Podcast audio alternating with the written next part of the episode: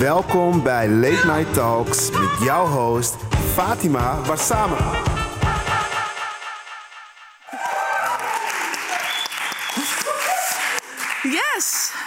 Welkom bij de aller, aller, aller, aller, allerlaatste show van 2020 van Late Night Talks. Um, Wauw, 2020 was echt een en al door de zure appel heen bijten. En jullie weten het in mijn monoloog, I keep it real, want het was ook wel een moeilijk jaar. Persoonlijk, uh, maar ook privé. Maar ik heb ook highlights. En een van de grootste highlights van dit jaar voor mij is natuurlijk eigenlijk deze show, Late Night Talks. In 2020 zijn we van Perdu Theater, een relatief kleiner theater in Amsterdam, naar hier gegaan, Pakhuis de Zwijger, waar we elke dag, elke week, elke maand kei en keihard werken. Ik samen met mijn team, zodat ik, zodat ik hier vanavond kan staan uh, met toffe onderwerpen, toffe gasten, toffe spellen, toffe artiesten. En dat doen we allemaal samen en ik ben er zo ongelooflijk trots op. En deze zomer hebben we nog iets vets kunnen doen. We hebben tien afleveringen kunnen maken van onze eigen eerste nieuwe uh, online podcast War Against Racism. En je, ja, je kan het eigenlijk al raden van uh, de naam is natuurlijk van, vanwege de rumoerige zomer van BLM. Ik heb daar in een uh, kleine studio midden in Amsterdam samen met mijn team op de heeste zomerdagen in een klein hokje gezeten. En op mijn bank zaten allerlei verschillende soorten mensen om met mij te praten over racisme. Wat betekent het nou? Wat is het nou? Um, ja, echt de deep dive en ook de nuances op te zoeken. En ik ben daar echt trots op, want er zit heel veel werk in. En jullie thuis en ook andere luisteraars vonden het ook heel vet. En waren dus heel veel mensen op mijn bank. Uh, ik kan niet iedereen opnoemen, maar ik noem er toch een paar op. Sunny Bergman, Jerry uh, Yara Michels, Appa, Naomi Pieter, mijn eigen zus, Horan Warsame, Ciara Norhoesen, Lisa Korpershoek, ga zo maar door. Aquasi, die zat ook nog bij mij aan tafel op de bank. Um, maar ook op persoonlijk vlak uh, was het uh, ook wel een mooi jaar. Dit is het jaar dat ik mijn eigen huisje heb kunnen, paleisje heb kunnen bemachtigen in 2020. En met paleisje en met bemachtigen bedoel natuurlijk huren. Want uh, kopen in de woningsmarkt is niet weggelegd voor mij als millennial. Ik heb dit jaar zoveel mogelijk bij mijn familie proberen te zijn. Ook vanwege alle gebeurtenissen in de wereld. Um, en ja, ik hoor jullie ook al vragen van Fatima, hoe was jouw 2020 dan? 2020 is eigenlijk voor mij een beetje zoals dansen in de koude, stromende regen. Kijk maar, een beetje zoals dit.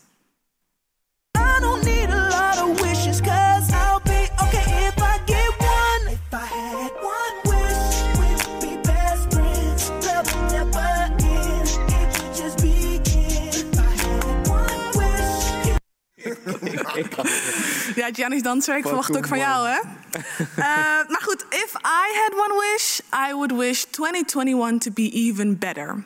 Ja, better, want het was op zich ook wel een goed jaar. Het was een jaar om stil te staan, om tot rust te komen, om, om mezelf in bezinning te voelen, te stoppen met te nadenken, te ademen en ook om terug te blikken. En vanavond uh, staat deze episode ook in het teken van terugblikken. Um, dat doen we met deze fantastische black tie glam end of the year show.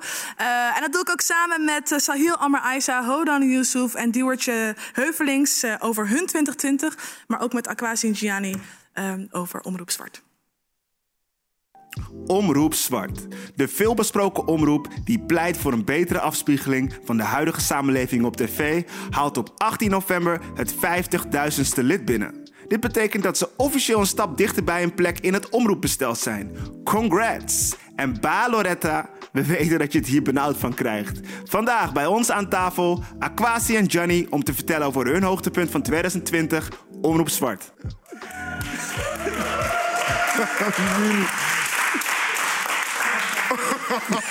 Ga je een stuk om Loretta? Het kwam uit het niks. Het kwam echt uit het niks. Ik ben gewoon aan het huilen hier, man. Ik ben nu al eenmaal, wauw. Ja, een bewogen jaar, toch, Gianni?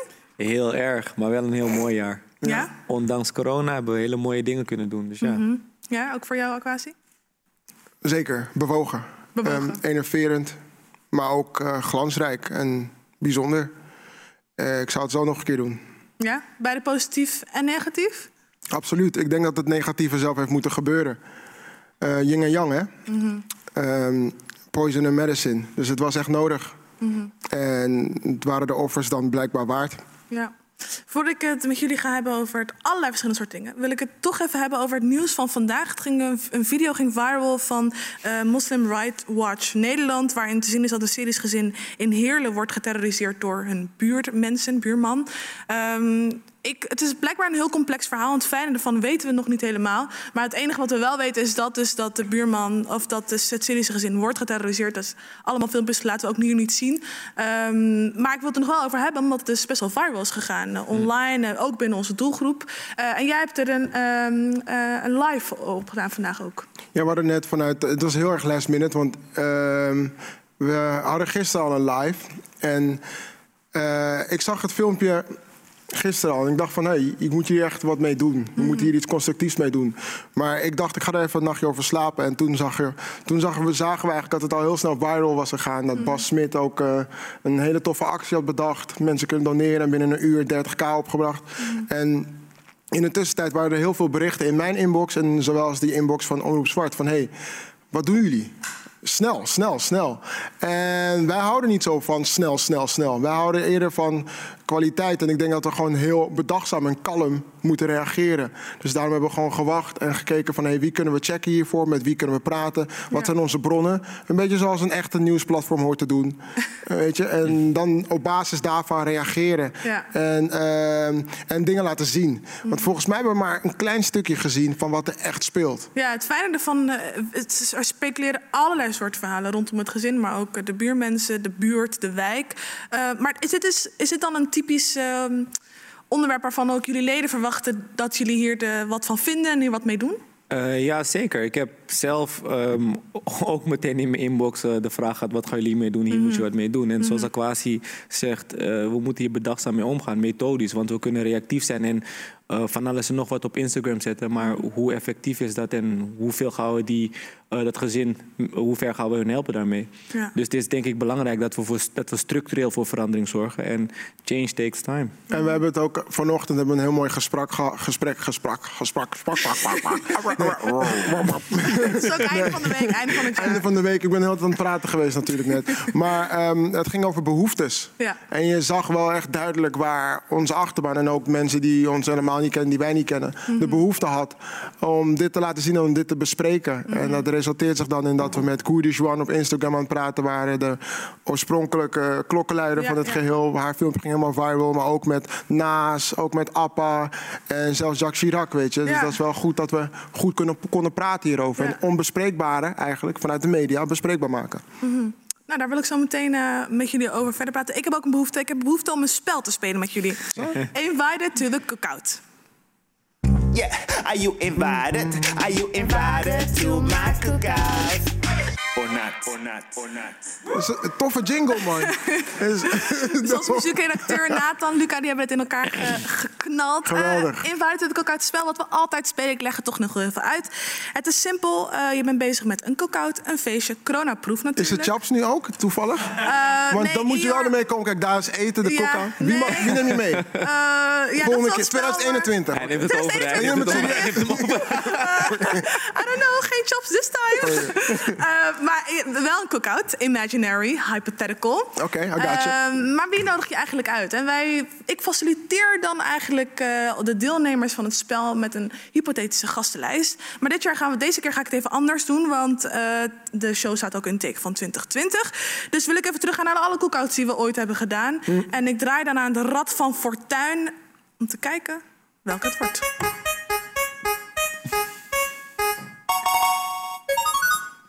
Britt Dekker, ja, die hebben wij eerder gehad, uh, een paar maanden geleden, in oktober geloof ik. Uh, want na het verschijnen van een uh, interview met jou eigenlijk, Aquasi, zij zei, waar jij vertelt dat, jij, dat jouw lerares je een aqua aquarium noemde, tweette Britt het volgende. Ja, en mijn docent noemde een onhandelbaar lui varken. Haha, moet ik nu ook gaan huilen, deze man. En we hadden toen over met Tovik Dibi. En de vraag was eigenlijk van, ja, bagatelliseert, ja, is het een beetje een stommig iets? Er was ook best wel veel backlash. Aquasi, eerst naar jou. Heb je de tweet überhaupt toen tijd voorbij zien komen? Ja, maar het was toen mijn maatschappelijke plicht om me publiekelijk te distancieren van deze bullshit. Mm -hmm. En dat heb ik ook gedaan. Dus. Ja. Om, wat bedoel je daarmee maatschappelijke... nee, maar het is heel mooi, maar ik wil... Ik eh, denk dat je soms met niet zeggen meer dan genoeg zegt. Ja. En ik denk dat dat het is. Ik heb geen tijd voor dit soort fratsen. We moeten focussen. Mhm. En toen zij dit zei, het was 5 september. Op 22 september gingen wij naar buiten met de campagne voor Onroep Zwart. Ik was niet hiermee bezig, man. Mhm. Hey, eh, seconde was nogal te veel geweest op mijn dag om hier naar te kijken. Mhm. Tuurlijk heb ik het gehoord, maar we waren zo hard aan het focussen op... hoe gaan we die campagne doen, hoe gaan we dit doen met Zwart en... De, weet je, dus Mhm.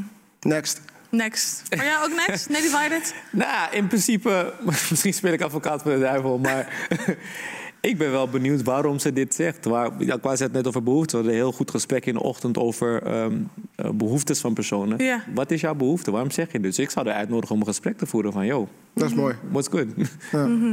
Om, eh, tijdens, tijdens de chops. We hebben toen een tijd, eh, was Tovik aan tafel eh, en die zei het volgende. ehm, een persoon het heel persoonlijk maakt als iemand van kleur iets zegt wat diegene dan ook heeft meegemaakt. Ja, maar ik heb het toch ook meegemaakt. Ik zeg toch ook niet dat het een probleem is. Nee, maar laat hem eventjes zijn punt maken. Voor hem was het blijkbaar wel een probleem. Dus uh, Britt Dekker en haar huzarensalade of haar eh, eh, aardappelsalade met rozijnen zijn not invited to the cookout. Kom nog alweer rozijnen. nee, maar ik denk... weet ook niet waar hij dat vandaan heeft gehaald. Hij is wel dope. Hij is wel inventief. Dat is vet. Tofik. Shout out Tofik. Nee, maar ik denk dat het ook wel te maken heeft met het feit dat... eh, en Loretta werd net ook al eerder aangehaald. Mensen hebben vaak de neiging om koppen te lezen. En denken van, oh ja, ik heb een heel artikel gelezen. Mhm. Maar je moet wel lezen wat er onder die koppen staat. Weet je? Eh, dat is belangrijk. En dat is hetzelfde als never judge a book by its cover. Dus je hebt iets gelezen. wil niet zeggen dat je het hebt gelezen. wil zeggen dat je verder moet lezen. Ja, precies. En ik denk dat empathie een belangrijk eh, begrip is. Ik denk dat door dat te zeggen, zij niet heel empathisch is geweest voor de situatie. Dus aan het einde van de dag, kill hem met kindness, toch? Kill him with kindness. Heel goed. Eh, we gaan naar de volgende. Eh, ik draai aan het rad van Fortuin. Ik zie steeds Beyoncé. Ik Ja, denk. Beyoncé. We beginnen bij Beyoncé. Yes, Arjan Lubach, weer een tweet. Ehm, hij tweette deze zomer net een inspraakmiddag gehad bij de bakker. Eh, de eigenaren waren vergeten te twitteren over de dood van George Floyd... en stappen nu op. Voelt goed, nu kijken hoe we als klanten verder gaan met het bedrijf. En hij is nu, drijft eigenlijk een beetje spot met toen er tijd wat er gebeurde met eh, de, de, de school. De school is een eh, club in Amsterdam die geld verdient aan black culture, BLM... eh, niet BLM, maar black music. Ehm, en dus ook house, waar, de, waar dat oorsprong in zwarte cultuur is. Ehm, maar zij, toen het opkwam met George Floyd, hebben zij eigenlijk wat steken laten vallen. Heel lang niks van zich laten horen als club. Terwijl zij vaak ook eh, naar buiten dragen dat ze heel inclusief zijn. Toen zijn de clubgangers van de school zijn boos geworden. Hebben gezegd, nou de school luister, luister eens even. Dit is niet goed wat jullie doen. Jullie hadden eerder naar buiten moeten komen in support van de BLM-movement. en dat heeft uiteindelijk voor, eh, naar geresulteerd dat eh, de school is gestopt. Eh, Arjan vindt dat blijkbaar belachelijk. En maakt dus de, een beetje ja, spot eigenlijk met de situatie... door de grapje te maken rondom de George Floyd-situatie en tweet dit. Ehm, toen de tijd ging het een beetje viral, omdat mensen het niet hadden verwacht van Arjan. Hij is iemand die met de Zwarte Pieten-discussie eh, allemaal eh, nou ja, toch wel positief was rondom de beweging. En hadden niet verwacht dat hij zou spotten met zoiets gevoeligs als George Floyd. En eh, wat vind jij daarvan, Gianni? Nou ja, ik ken Arjan niet persoonlijk, maar wat ik van hem weet, dit is een onhandige opmerking, denk ik. Ehm, alleen ben ik niet echt een voorstander van mensen afrekenen op onhandige dingen die ze doen. Dus Ja. nogmaals weer het gesprek aangaan. Ik zou hem wel uitnodigen. Ja. Maar deze, deze ken ik nog niet. Het verbaast me wel dat, dit, eh, dat hij dit getweet heeft. Ja, nou, het is wel grappig dat je zegt gesprek ingaan. Want ook die situatie van de school, dat is natuurlijk een eh, één situatie eh, in een club in Amsterdam. Maar het is toch wel een groot voorbeeld van hoe cancel culture, mensen die toch wel opstaan en op internet, eh, op internet klinkt heel oud, maar op social media ehm, opstaan. internet. En ja, op het internet gaan ze dan ja, toch wel een mening delen en zeggen van het kan niet, het kan niet, het kan niet. Wat gebeurt er? Ze boycotten die plek en die plek valt kapot, die stopt. Eh, en ik hoor je nu twee keer zeggen eh, het gesprek aangaan. Is dat dan, ben je dan misschien tegen cancel culture? Ik ben geen voorstander van cancel culture, omdat ik bij mezelf denk, wat bereiken daarmee? Volgens mij is het stukje dat men wil, is be- begrip voor elkaar. De een moet, wil begrijp, moet begrijpen waarom ze eh, een reactie moeten geven in sommige situaties. En de andere moeten begrijpen dat het een bedrijf is. En Ja. we weten niet wat er in een organisatie gebruikt, gebeurt. Dus ik denk dat het Ja. gesprek vind ik denk ik belangrijker, omdat dat voor verandering kan zorgen. Ja. En cancel culture is volgens mij een incidentele oplossing. Ja. Precies, ik, ik ben het helemaal met hem eens. Want we moeten ook echt kijken waar er vaak behoefte naar is. En niet zo snel al kijken naar wat de juiste oplossing is, maar eerst kijken naar de, de need. Waarom? Wat is er precies aan de hand? Wat heb je nodig? Waar verlang je naar? En daar goed naar luisteren. Dus als als je kijkt naar deze tweet, dat is ook aan mij voorbij gegaan. Maar ik heb natuurlijk wel meegekregen dat de school ineens eh, eh, nogal in de media kwam en daarna opgedoekt. Maar ik, ik weet hier niet zoveel van. En ik weet eerlijk gezegd ook niet zo goed hoe ik me moet voelen als ik dit lees. Denk ik, ja, want ik hoor ook wel haastige spoed is zelden goed. Je moet eh, in gesprek gaan. Eh, denk je dat de school had blijven bestaan als, als de cancel culture call-out mensen op, op social media misschien iets milder waren geweest? Of denk je dat ook nodig is? Nou, ik denk dat we eigenlijk moeten kijken, zijn wij een van ons drie hier aan tafel? Wie, is, wie van jullie is wel eens naar de school geweest? Nou, Nee, Maar misschien ik ook niet, weet je. sporadisch toevallig Ik of never, zo, man. Ik Omdat heb- alles dicht was, maar... ja, precies. Dus die zouden ook niet, je denkt ook niet van, ah, vrijdag, we gaan naar de Nee, school. maar ik vraag me af of de school dicht is gegaan door corona of daadwerkelijk door die... Nee, dit is echt, dit is Ja? echt door dit incident. Maar dan heeft het ook wel een beetje Maar dan- te maken met organisatie, toch? Een beetje kijken van wat, wie zit er in die organisatie? Wat speelt er binnen een organisatie? Want waarschijnlijk was het een, een te ver voor je bedshow ergens voor mensen om überhaupt na te denken van hé, hey, BLM, George Floyd, de Dam, we moeten hier wat mee. Ja. Oké. Ja, en, en daarnaast, de school is nu dicht. Ehm, de mensen die de school hebben geboycott, wat hebben we precies, hoe ver, hoe ver zijn we precies vooruit gegaan daarmee? Ja, en ik denk ook wel dat daar ook... Dat is waarom ik het ik cancel cancel culture interessant vind. Want stopt het dan daar? Stopt het daar bij het alleen het cancelen? Of ga je dan verder? Ja, volgens mij wil je gedragsverandering, toch? Maar cancel culture is ook een beetje karaktermoord, dus ook een beetje character assassination. het, heeft, het heeft raakvlakken. Ik eh, ga snel verder naar de volgende. We, we hebben het toen er tijd aan eh, Mitchell Isaias gevraagd. Die was bij mij aan tafel. Ook over deze tweet. En hij zei toen dit. In dit geval vind ik dat je een grap maakt, een hele misplaatste grap maakt. Eh, een grap over een hele ernstige situatie, namelijk institutioneel racisme en politiegeweld. En zeker voor een witte man is dat gewoon een kwestie van wit privilege, wat je op een verkeerde manier inzet. Dus van mij mag hij lekker thuis blijven. Ik, eh, ik heb lekker veel vlees voor mezelf. Mitchell. nee, maar ik, ik snap dat hij het zegt. Want kijk, ik, ik, ik zit het te lezen en ik weet eigenlijk niet zo goed hoe ik me moet voelen. Ehm, is het satire? Ja, Is het, dat eh, denk ik wel. Ja, weet je. Maar dat is ook Eh, wel zijn kracht van Arjen. Ja. ja, maar ik denk dat ook Arjen eh, soms... Kijk, hij maakt grappen, maar soms kunnen zijn grappen ook misplaatst zijn. Ja, Ja. zeker. Het Arjan is Lobach. Nobach. No lach. no lach. Ik probeerde, ik probeerde, ik probeerde een grap te maken. Lukte niet. We gaan door naar de volgende. Rad van Fortuin. Let's go.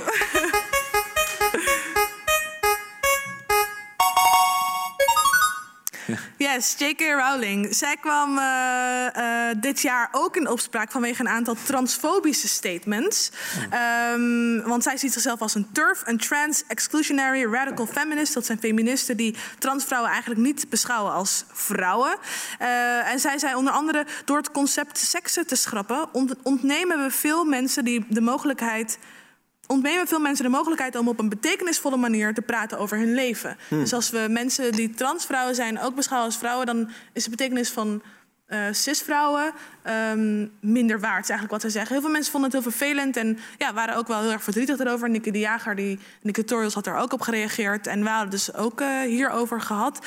Eh, wist je dit eigenlijk van... ehm, Nee, ik ben? Harry Potter fan sinds dag één. ik was echt een geek. Ik las die boeken in één dag uit. Het, ik vind het wel jammer dat ze zich zo heeft geuit. Eerlijk gezegd. Maar ja, wederom weer een, een gebrek aan empathie, denk ik. ik.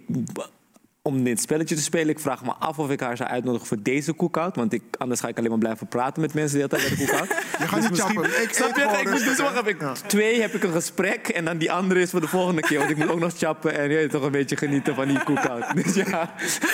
En voor jou, Kwasi? Ik wist niet dat ze, zo, dat ze daar zo over dacht. Ehm, ik ben natuurlijk niet in de positie om. eh, ik ben geen ervaringsdeskundige hierin. Maar ik kan wel vanuit mijn ervaring spreken dat het wel be- belangrijk is om mensen gewoon niet uit te sluiten. Hoe je je ook voelt. En als jij een transgender vrouw bent en, en je als vrouw betiteld wilt worden, dan is dat je goed recht. Ja. Dan is het niet aan J.K. Rowling en eh, je, je ambities en je, je hand op je kin zo op die foto. Om te zeggen van, yo, je, je bent Ja. gewoon een kill. Nee. Nee. Ja, ik vind het ook lastig om dit te bespreken, want inderdaad, wij zijn al drie cis-mensen. We- Ik vind het lastig om daar echt te zeggen van dit mag niet of dit mag wel. Of, maar ik denk dat heel veel mensen ook wel met haar voelden. Want ehm, de kritiek op heel veel eh, bewegingen zoals deze is dat het allemaal eh één mengelmoes wordt. Allemaal queerness. En dat sommige mensen behoefte hebben aan ehm, nou ja, dingen echt definen en het. Eh, ja, zoals van dit is dit en dit is dit en dit zijn vrouwen en dit is nou, men, mannen, gay, lesbian. eh, om het allemaal duidelijker voor, te, voor zichzelf te krijgen. Praat ik het niet goed, maar dat is wel een, eh, een, van, de, een van de argumenten. Nee, dat snap ik. En als dat de behoefte is, eh, transgender vrouwen zijn toch ook een categorie? Of snap ik het dan niet? Ja. Nee, precies. Maar het gaat voornamelijk over het includen van hun in, ehm, eh, in de feministische beweging. Ja, Goed, dus daar snap. moeten we eigenlijk nog een andere keer. eh, eh, Daar moeten we Dat haar voor bellen eigenlijk. koeka, maar- dat is een festival. Zo'n festival dan konden ze allemaal komen, had ik meer tijd. Eh, toen de tijd zat Aldo Kempen aan tafel in de zomer en hij zei het volgende erover. Zou jij haar uitnodigen, Aldo? Helaas niet meer. Nee. Nee, een gevallen, gevallen heldin. Ehm, Ja, zo voelt het ook voor veel mensen. En ik moet Toch? ook eerlijk zeggen voor mezelf ook wel dat ik dacht... Daar gaat al een Harry Potter.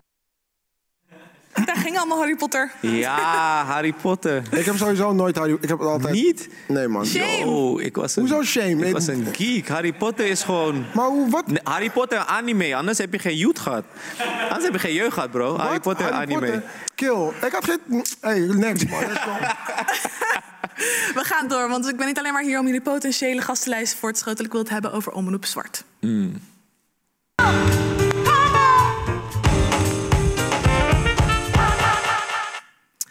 De deadline zou eigenlijk over twee, is over twee weken, 14 dagen. Gianni, hoe voel je? Hoe voel je? Je hebt hem al gehaald, jullie hebben hem al gehaald. Nou, gehaald. ehm, we zijn in de volgende fase. Ik heb eh, een, een wijze man heeft ons een video laten zien. eh, waarin hij. ehm, eh, dat was een video van Jeff Bezos, die eigenlijk toen al super succesvol was. En op een gegeven moment alsnog zei: This is day one. En dat sentiment deel ik. This is day one. We zijn pas begonnen. We, aan het einde van de dag denk ik dat het belangrijk is dat wij de grootste eh, beweging worden. De grootste verbindende beweging. Want dan kunnen we meer betekenen. Dus stap 1 is gezet. Maar we gaan nu rennen, toch? Want wat, hoe werkt het dan nu, Aquasi, ook voor mensen? Ik denk dat heel veel mensen ook benieuwd zijn van... jullie hebben 5000 leden, maar wat nu? Wat gebeurt er nu? Nou, allereerst is het belangrijk om even aan te stippen dat we hebben die 50.000 leden inderdaad. We zijn richting 55.000 leden. Je kunt nu voor altijd lid worden voor Omroep Zwart. Eh, het stopt niet. En zeker niet bij de 50.000. En we willen op een gegeven moment naar 100.000, naar 250.000, naar 500.000. We willen echt de grootste verbindende beweging worden in Nederland. Want Omroep Zwart is meer dan een omroep. We zijn een movement. En in deze fase zitten we nu bij het beleidsplan. Het beleidsplan is een soort van businessplan, maar dan voor de omroep. Waarin we het beleid vertalen. Dat gaat dan over eh, de type formats, maar ook organisatiestructuur. Ook de begrotingen. Hoe we verder willen gaan. En hoe we ons het belangrijkste onderscheiden ten opzichte van omroepen als VPRO, EO, BNN, VARA, KRO, NCRV, et cetera. Ja, ja want eh, de leden die nu zeg maar, lid zijn geworden in de eerste 50.000 zijn de founding members. En ik denk ook wel dat. ehm, wat betekent dat eigenlijk, founding members, voor jullie? Founding member. Wat betekent dat, Jannie? Nou ja, founding members, zoals het woord al zegt, wij zijn in principe worden we gezien als de founders, maar we hebben natuurlijk members nodig om daadwerkelijk ehm, dit gebouw te kunnen maken. Dus het zijn gewoon alle members die ons hebben geholpen om in elk geval het fundament te leggen. En die moeten we omhoog gaan bouwen. Dus dat zijn de founding members. Dit is het team dat ervoor heeft gezorgd dat Omroep Zwart kan bestaan. En die hebben ons letterlijk gewoon bestaansrecht gegeven. Precies. Want stel nou, het is nu eh, laatste week van december en we zitten op 49.870. En het is 1 januari. Bra, fire. Dan gaan we niet door. Wat weet je? betekent fire? Fire, eh, iedereen weet al wat fire Ik, ik plaag je, ik plaag Leg uit. Nou, misschien Britt Dekker niet, maar...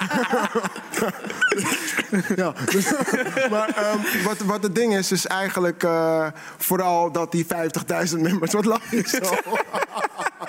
Die 50.000 members ons dus bestaansrecht hebben gegeven. En Ja. dan ben je een founding member. Ja. En vanaf nu kunnen we door. Ja, het is niet alsof je dan eh, extra privileges hebt of zo. Of, eh, We, we, willen, we zijn wel geneigd om sneller met je te praten, zeker. Oh ja, oké. Met iedereen willen we praten, maar eh, je kijkt wel sneller om naar de mensen die je van day one, de early adapters tot aan hoe je dat noemt. Ja, maar in, in principe zijn zij... ze kunnen dat sowieso aan hun broekzak steken, de founding members. Want zij hebben geholpen met een stukje geschiedenis schrijven. Absoluut. Zo, een, een omroep als Omroep Zwart, zit ook in die video, is er niet. Dus ehm, net als BNN-Vara...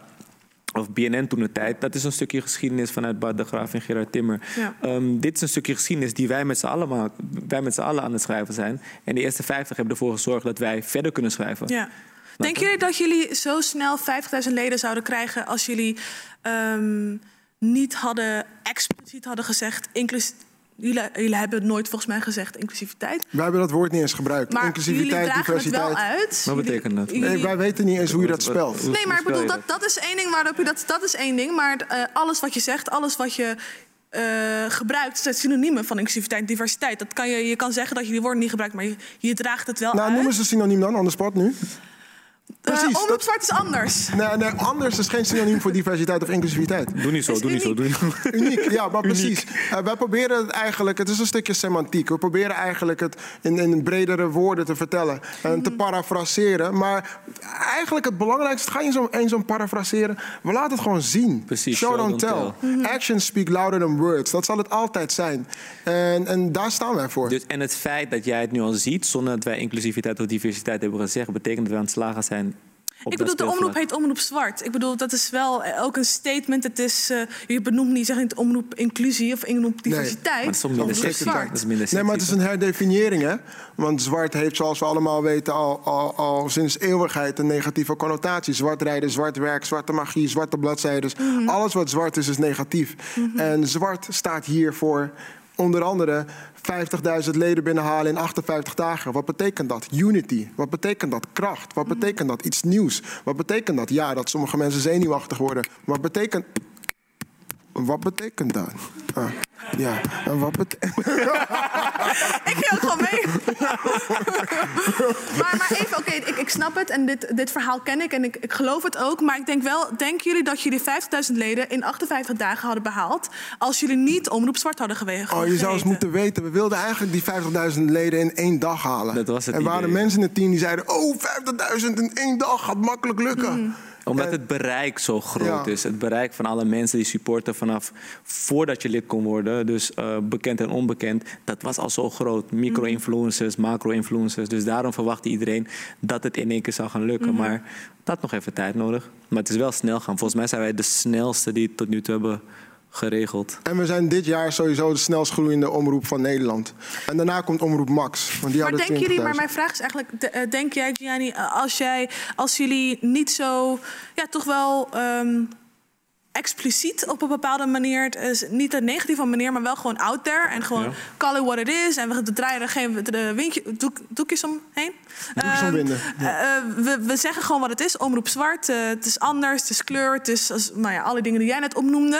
Ehm, en, en misschien een mildere vorm hadden genomen. Denken jullie dat jullie dan eh, nu waren blijven steken op die 50.000? Ehm, nee, dat denk ik niet. Want het gaat niet om alle randvoorwaarden. Het gaat niet om de naam. Het gaat niet om de filosofie achter de naam. Het gaat om de urgentie binnen de samenleving. En die urgentie is er. Ook al hadden we omroep. eh, weet ik veel, B- B- Colberg heten. Dat maakt niet uit. Ik denk dat het te maken heeft met de urgentie die er leeft. Ik, eh, Omroep ik, Colbert is wel een dope naam ook. ik, ik wil this, even eh, naar een filmpje. Want eh, jullie, waren beide, jullie waren beide in oktober bij Humberto Tan eh, bij Radio 1. En toen jullie nog 17.000 leden hadden. En Aquasi, toen zei jij het volgende. Niet een, het is niet, dus zwart is niet een omroep eh, huidskleur. Nee. Het is een omroep waarbij je zoveel mogelijk smaken wil laten zien die er zijn. Absoluut. En uh, ongeacht de gender, ongeacht de religie, ongeacht kleur, je achternaam, het maakt niet zoveel uit. Je zou je versteld zijn als je ziet hoe inclusief de leden, de bestaande 17.000 leden nu al zijn. Dat gaat echt van Maastricht tot Brabant, tot Ede, tot Terschelling, tot Amsterdam. Hilversum voor hetzelfde. Ik weet niet of jullie lid zijn, maar wordt allemaal lid, zou ik zeggen. Omroepzwart.nl. Nee, want ik Ja, het gaat weer over de leden. Dat is denk ik echt jullie kracht. Meer dan andere omroepen heb ik ook het gevoel. Eh, dat voelt, en jullie hebben toch wel een bepaald gevoel van samenhorigheid kunnen creëren online. Ook in tijden van, eh, van COVID.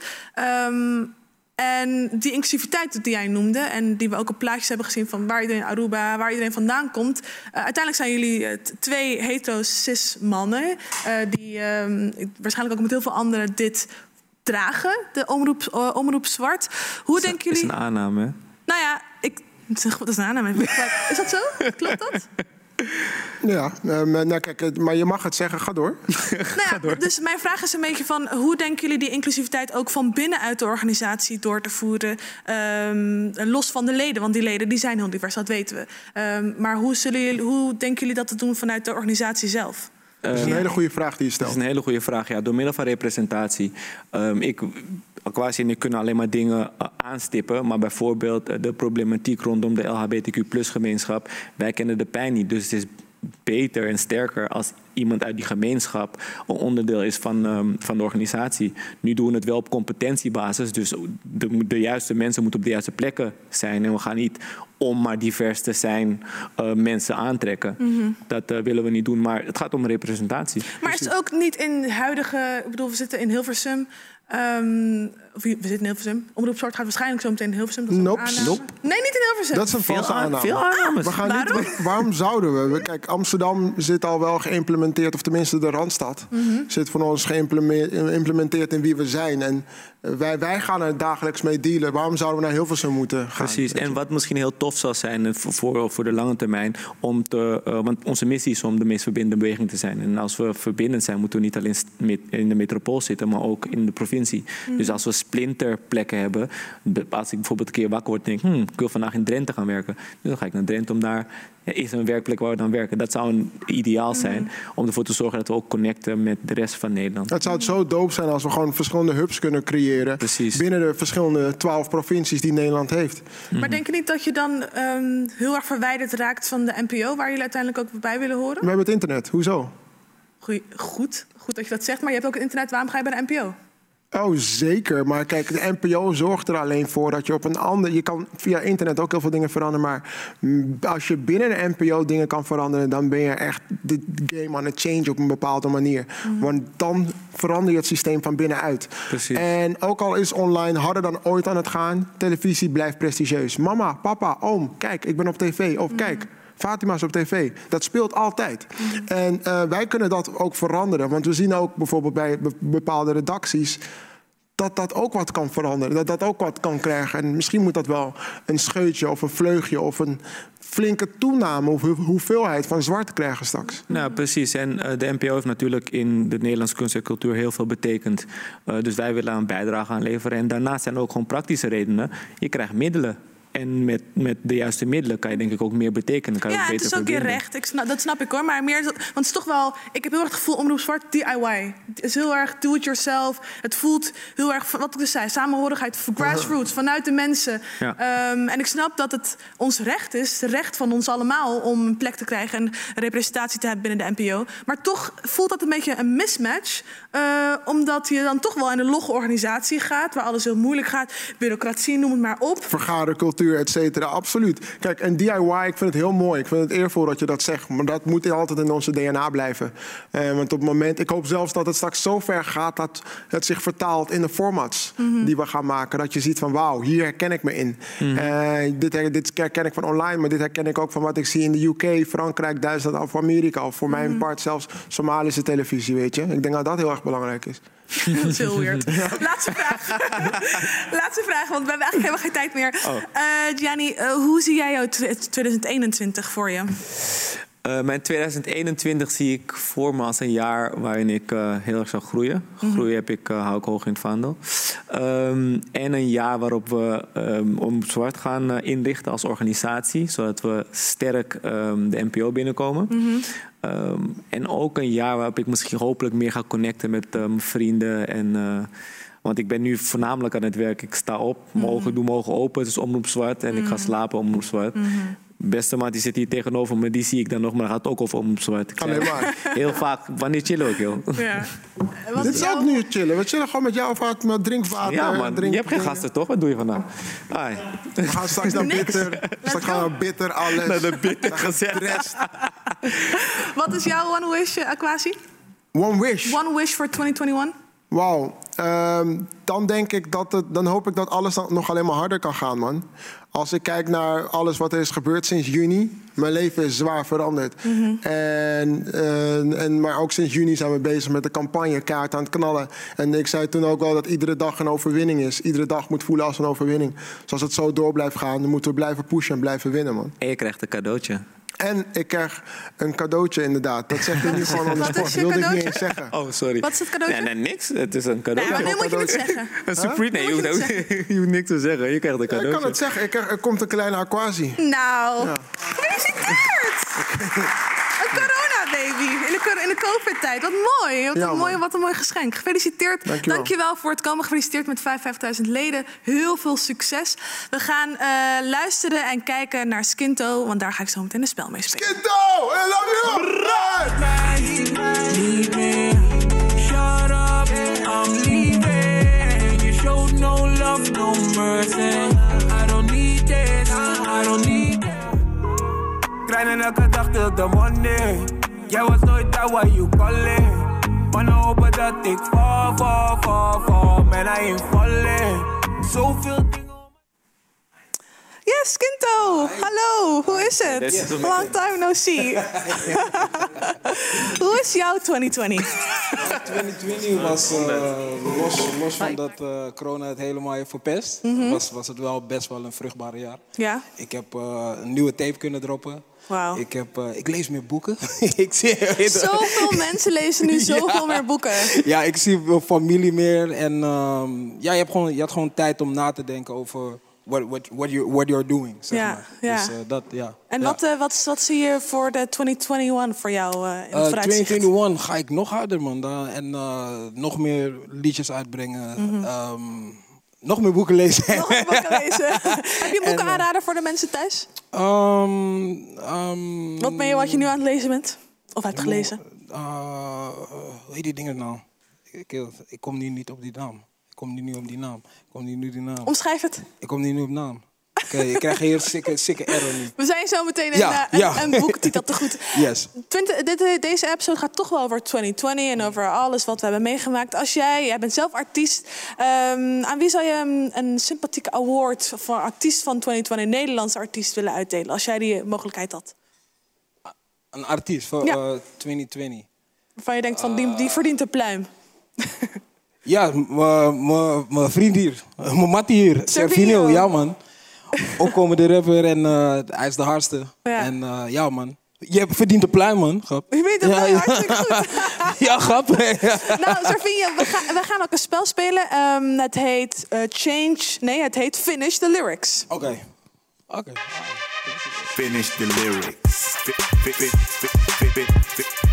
Finish the lyrics.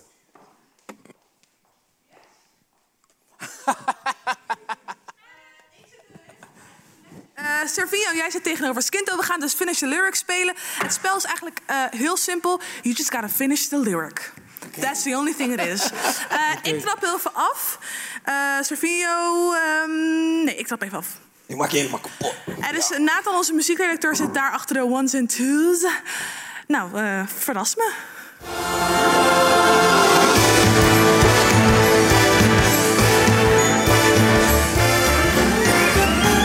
It's the most wonderful time of the year. With the kids jingle belling and everyone telling you be of good cheer. It's the Most wonderful time in, of the year. Ja, heel goed. Eh, dat is hoe het spel dus gaat. Servinho, jij mag eh, als eerst. Nathan, let's go. Yes.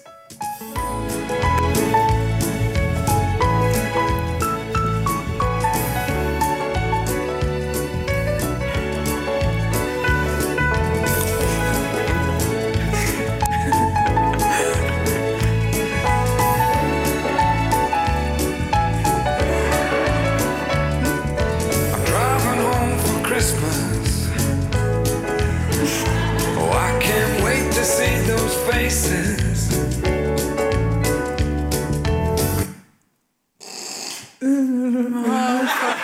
Voor Nee, deze ken ik echt niet. man. Driving home. Hij zei net vier keer. Drive, ik heb niet eens nooit kerst gevierd in mijn hele leven. Driving home for Christmas. Alleen dat ken ik. Ja, ik ook. Volgende is voor jou, Skinto. Yes.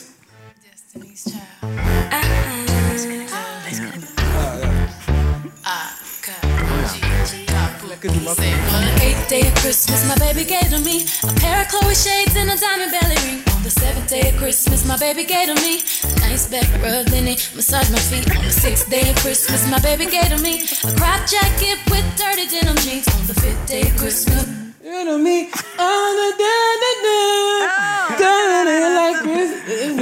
No, wait a minute. Da da da da da, da da da da da da da da da da da da. Ja, ja, ja, dat.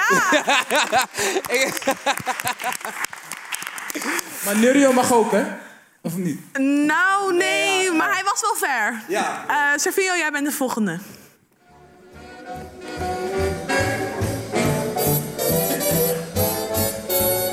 Weather outside is frightful, but that fire is mm, delightful. Since we've no place to go, Let it snow, let it snow, let it snow. Maar die was ook al heel... Als je die niet had geweten. Eh Skinto. Oké, yes.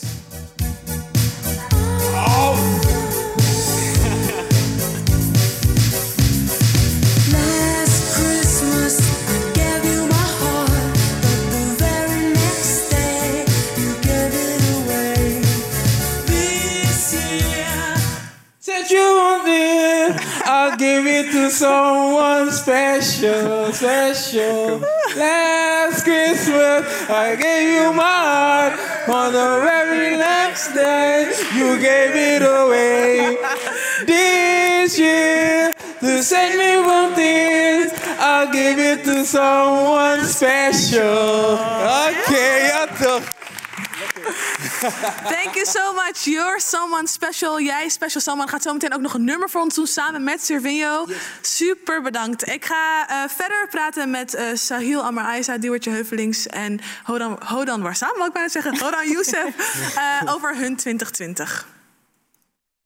2020. Wat een bewogen jaar. De wereld stond letterlijk en figuurlijk in de fik. We hebben het dus niet alleen over de bosbranden in Australië en Californië, maar alles wat daaromheen gebeurde.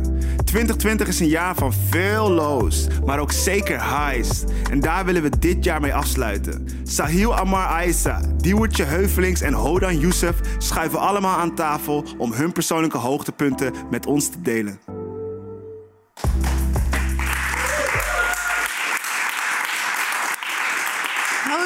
Sahil en Diewertje, dankjewel. Dank je voor het komen. Dankjewel dat jullie hier voor ons jullie 2020 willen delen. Eh Hodan, hoe voel je je? Goed, prima. Ja. Jij, Diewertje?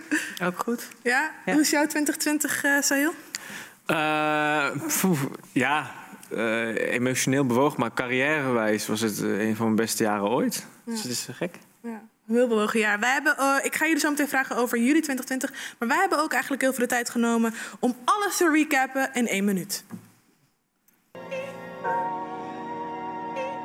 World War III is beginning to trend on social media. Parasite is the first film not in the English language to win Best Picture. From Brexit to Mexit. I'ma get lazy. I got the mojo deals, we been trapping like the 80s. The world must prepare for a potential coronavirus pandemic. guilty of rape and criminal sexual assault.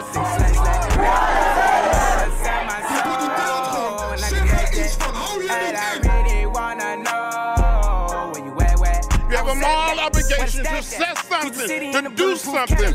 Cause I know these niggas out there where the bag at.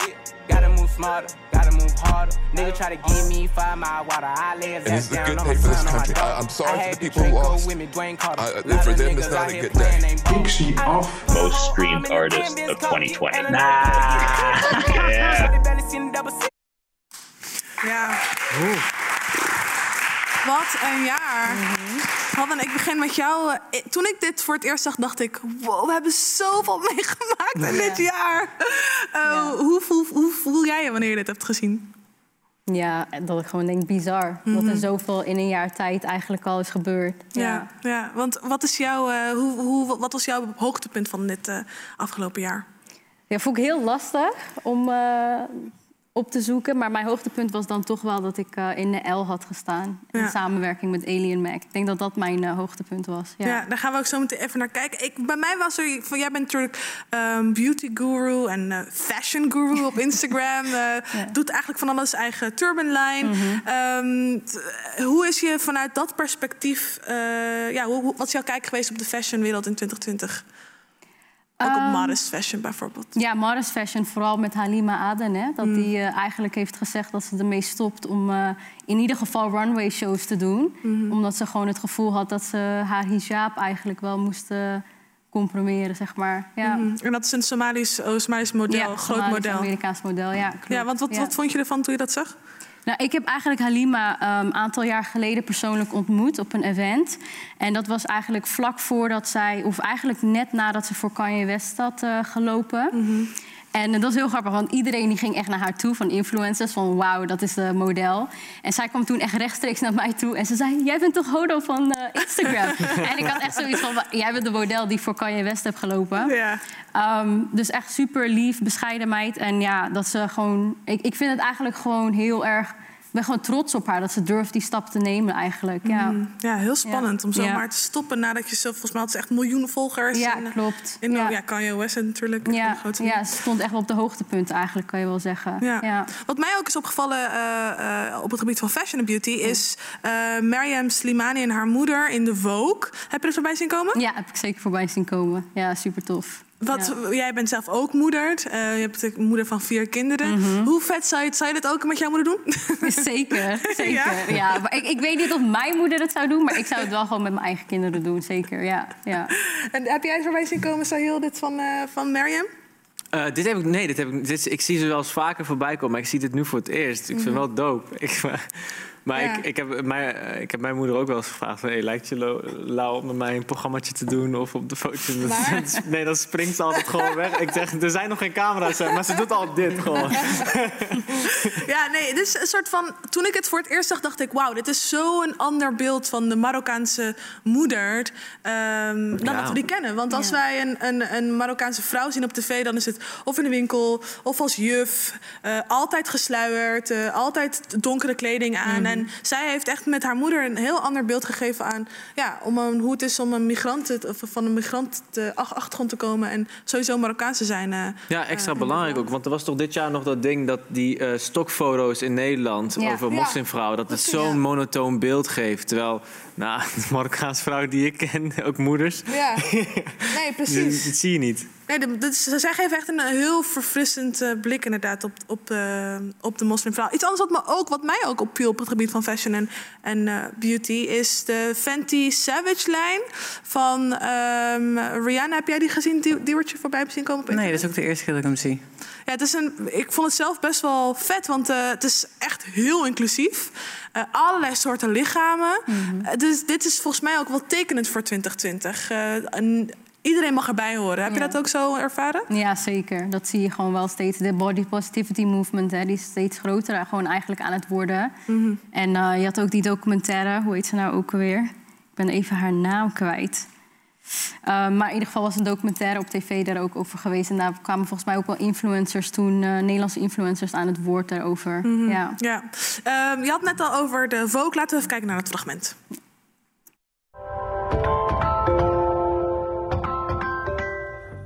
Hi, ik ben Hodan en ik ben een content creator. Ik vind mijn ogen heel mooi. Ik, toen ik in een brugklas zat, daar een compliment over kreeg van een klasgenootje. Ze zei tegen mij dat ik hele mooie amandelvormige ogen had en dat ik oogpotlood zou moeten dragen. En ik vond het toen zo leuk dat ik ook stiekem oogpotlood gekocht heb en ben gaan gebruiken. Ik voelde me echt heel anders, gewoon mooi. Ik zag ook wat zij bedoelde door het gewoon meer te accentueren met zelfvertrouwen. gaf echt een boost gewoon.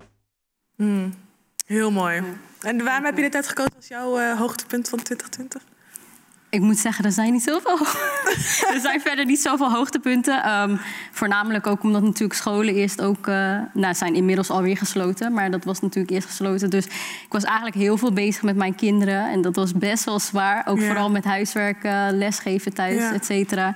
Dus ik heb verder eigenlijk niet echt heel veel eh, hoogtepunten. En ehm, ja, dat ik ooit in de L zou staan. Dat is Mm. natuurlijk... Ja, wie had dat ooit gedacht, zeg maar. Ja, ja. wauw. Het is echt, ik, jij lachte er ook al om. Ik lachte er ook om. Want het is zo echt. Zo dat je stiekem een oogvot lood koopt. En ja. het is gewoon heel, heel real. Ja, Dus eh, ja. super bedankt voor het delen. Sahil, ik ga even naar jou. Jij zei het al, ehm, jouw jaar was ook bewogen op carrièregebied. Ja. Je hebt het tweede seizoen van jouw eh, serie Make Holland Great Again Ja. kunnen maken. Ja, ja. Oh, ik moet echt... Het is een beetje gek zo praten. Ja, klopt. Ja, ja. Eh, hoe, eh, hoe was dat voor jou? Eh, poeh, ja, dat was heavy, man. Want eh, er kon gewoon heel veel niet meer. Mhm. Zeg maar, Make Holland Great Again was een programma waar we heel erg fixeerden op ook mensen bij elkaar brengen. En eh, ik, ik weet niet, in het eerste seizoen heb ik echt, denk ik, duizend knuffels gegeven en gekregen van allemaal huilende mensen omheen. En nu, ja, kan je gewoon niet. We konden, we konden maar met twee mensen in de auto. En als, iemand, als we iets heel liefs deden voor iemand of mensen bij elkaar brachten, dan was het nog steeds, ja, top, succes ermee. We gaan weer pleiten. Dus het was, eh, maar alsnog, het is nog steeds een succes. Want ondanks dat. Weet je, we hebben, we hebben duizenden nieuwe bloeddonoren. Er zijn eh, honderden nieuwe taalvrijwilligers voor nieuwe Nederlanders. En voor Nederlanders die niet zo goed Nederlands kunnen. Dat, het is ja. Het is voor mij in mijn ogen nog steeds een succes, ongeacht dat het eh, veel, veel lastiger werd. Ja, Ja. ja. wij, wij kennen elkaar ook goed. Eh, ik weet ook eh, wat je eigenlijk ook allemaal aan het doen bent. Dat je super hard aan het werken bent. Ehm eh, jij hebt ook een aantal persoonlijke hoogtepunten meegenomen. De eerste is deze.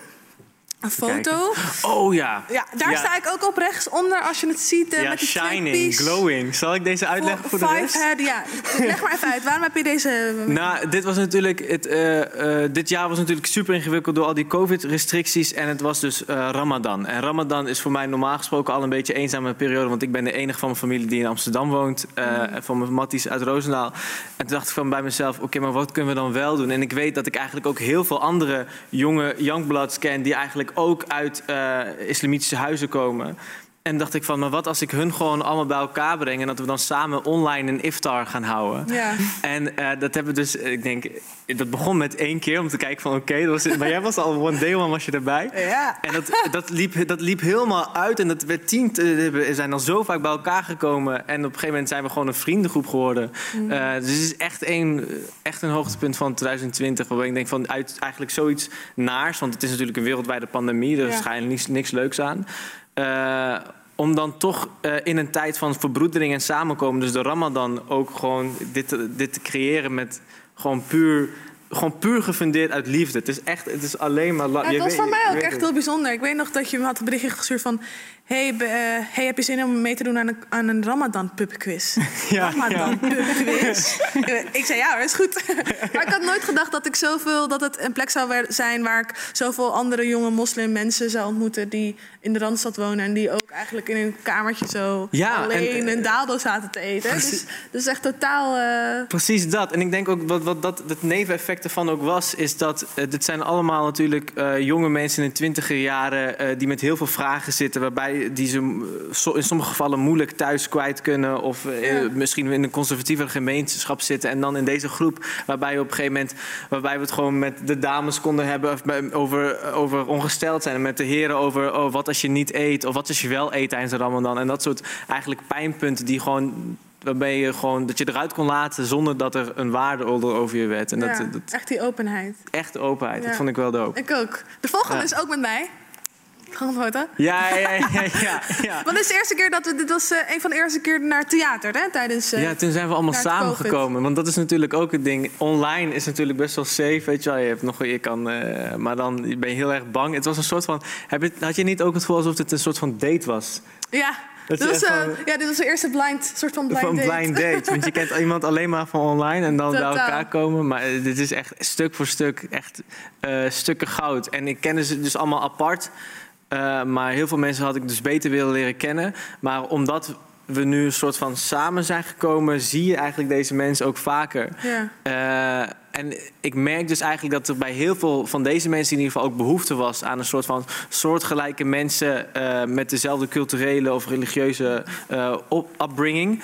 Ehm, om daar een soort van veilige zone in te vinden. Want die is er dus schijnbaar nog te weinig in Nederland. Nee, het was, ook, het was echt een openbaring in elk geval eh, voor Ja. mij. Hoe was jouw Ramadan, eh Hoden? Ja, thuis met de kinderen natuurlijk. Ja, en heel veel eh facetimen. Ja, heel veel lekker eten waarschijnlijk ook. Ja, ja. Ik voel me echt dat als ik dat zeg. Lekker eten, hè? Met Ramadan. Tafelen. Eh, de, de laatste foto is eh, ook een foto met vrienden. Dit Ja. was bij een screening. Ja, dit is, dus, dit is eigenlijk ook komt door de corona, omdat eigenlijk de bioscopen slui- sluiten. En toen moesten we ook weer creatief zijn. Dus wat eh een mattie van mij heeft een oude 16 mm projector, weet je wel.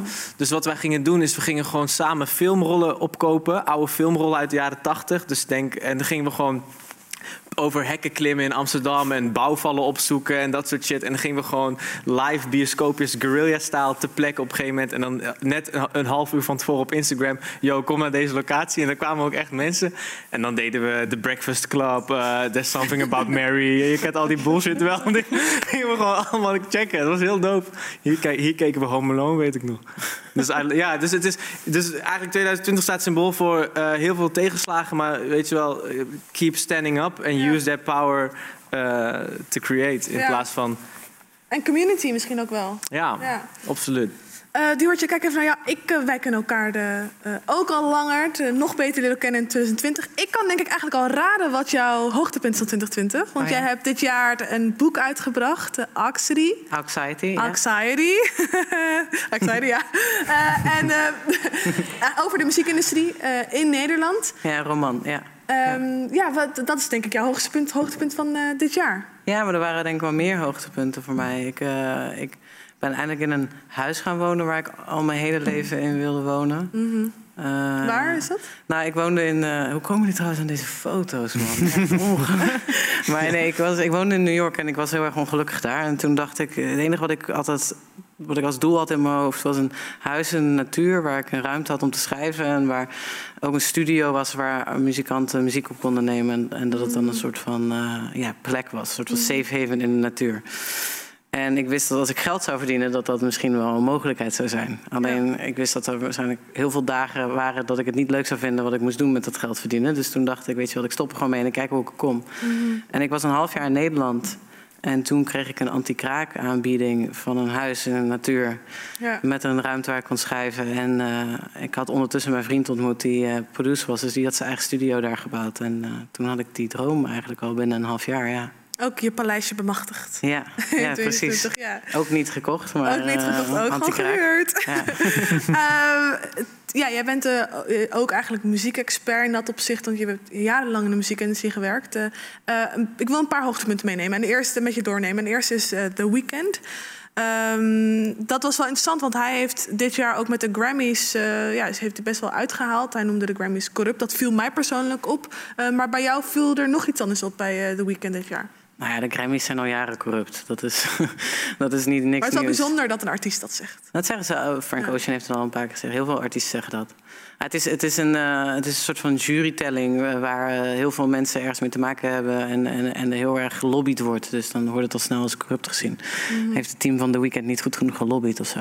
Maar nee, The Weeknd heeft dus een van de vijf albums gemaakt die dit jaar het meest gestreamd waren. Hij was dus wel de enige van die vijf albums die niet genomineerd was voor een Mhm. Grammy. En dus dat was opvallend. Maar wat ook opvallend was, is dat hij een campagne had gedaan met Spotify. Waar hij je persoonlijk als een soort van virtuele versie van The Weeknd ging bedanken voor de luistertijd en de luisterdata die, jij- die ze hadden van jou van The Weeknd.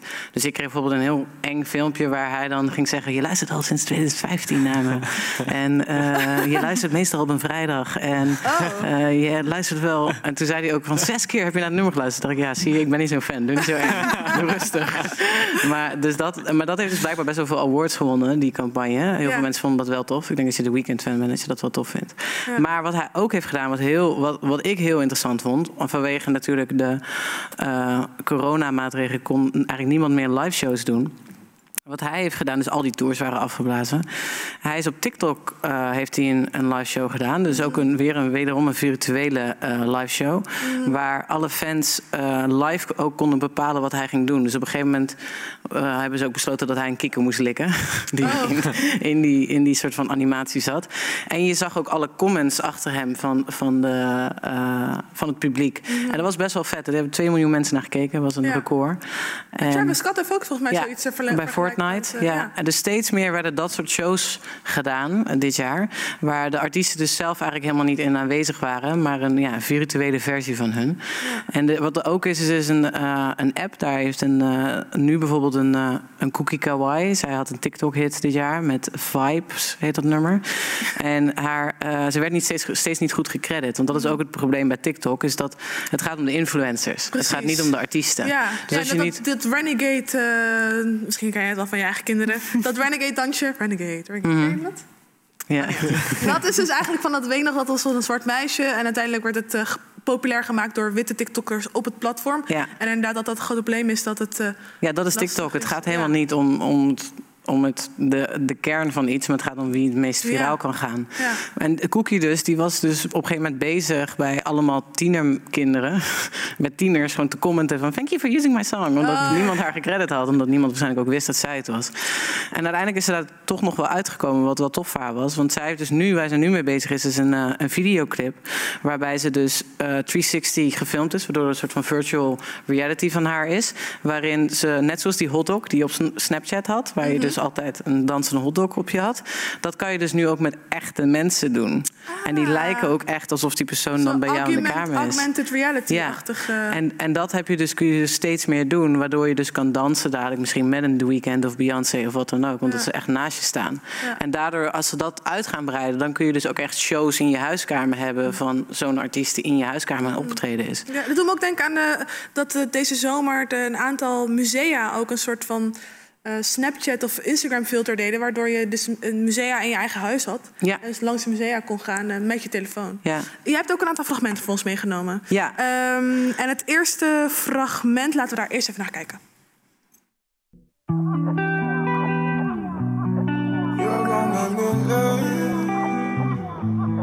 You're gonna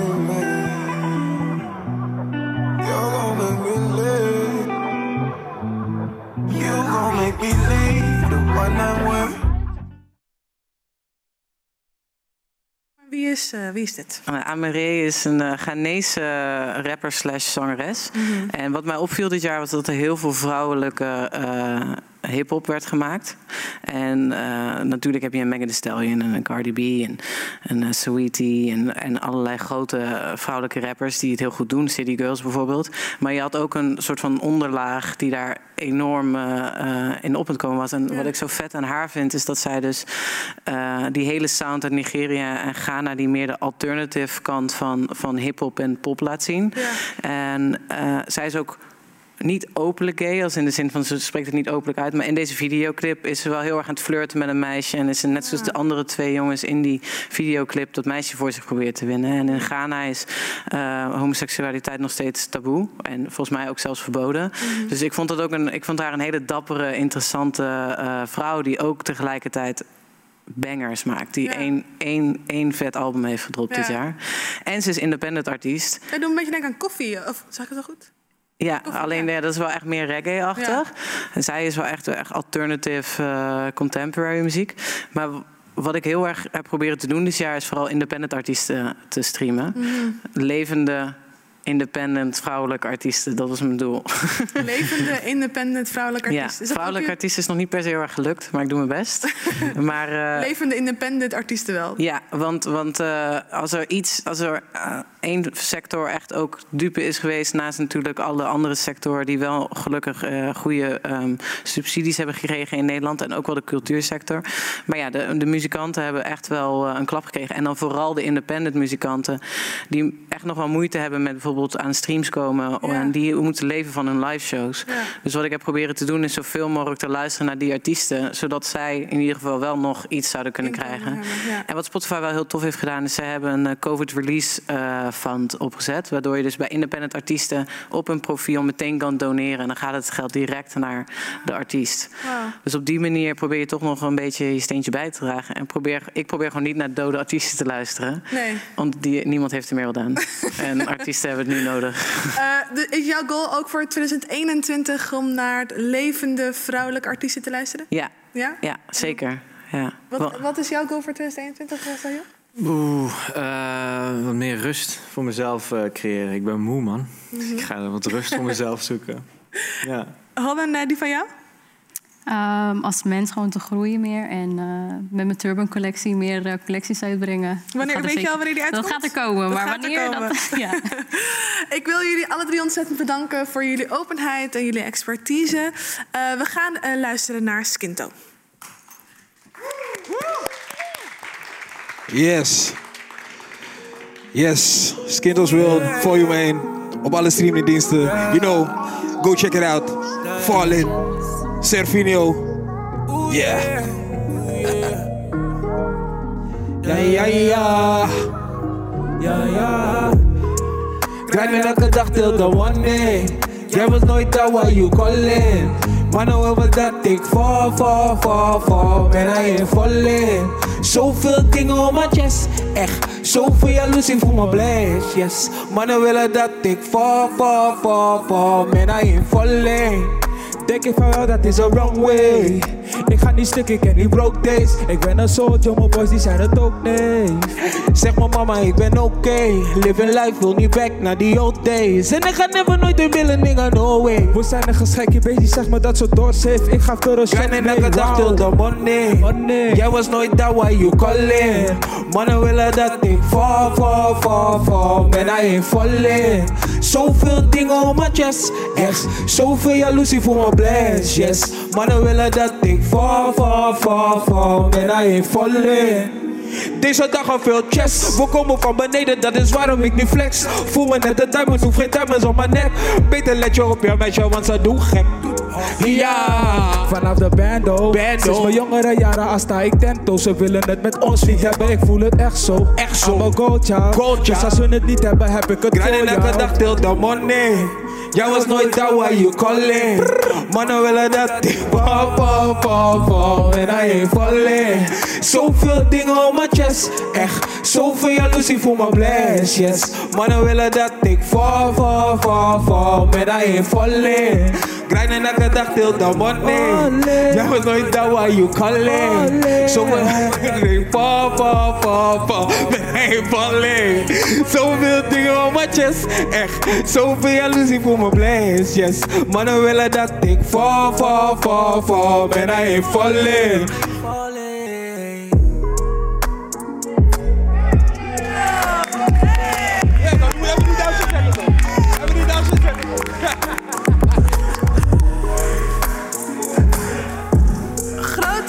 Ja, man. Ja, man. En check, en check The Alchemist. Dat moet je lezen. The Alchemist. Ja, ja. Ik had even een zieke error, man. Ja, man. Alchemist, check het. Goeie boek. Yes. We waren inderdaad nog een boektitel van je te goed. De Alchemist, je hebt het gehoord. Ik wil jullie ontzettend bedanken. Ik wil al mijn gasten vanavond bedanken. Sahil, Diewertje, Hodden, Skinto, Servinio, Aquasi, Gianni. Jullie allemaal thuis voor dit jaar en dat jullie ons hebben gesupport. We doen het allemaal met zoveel plezier en ik hoop jullie volgend jaar weer te zien. Doei!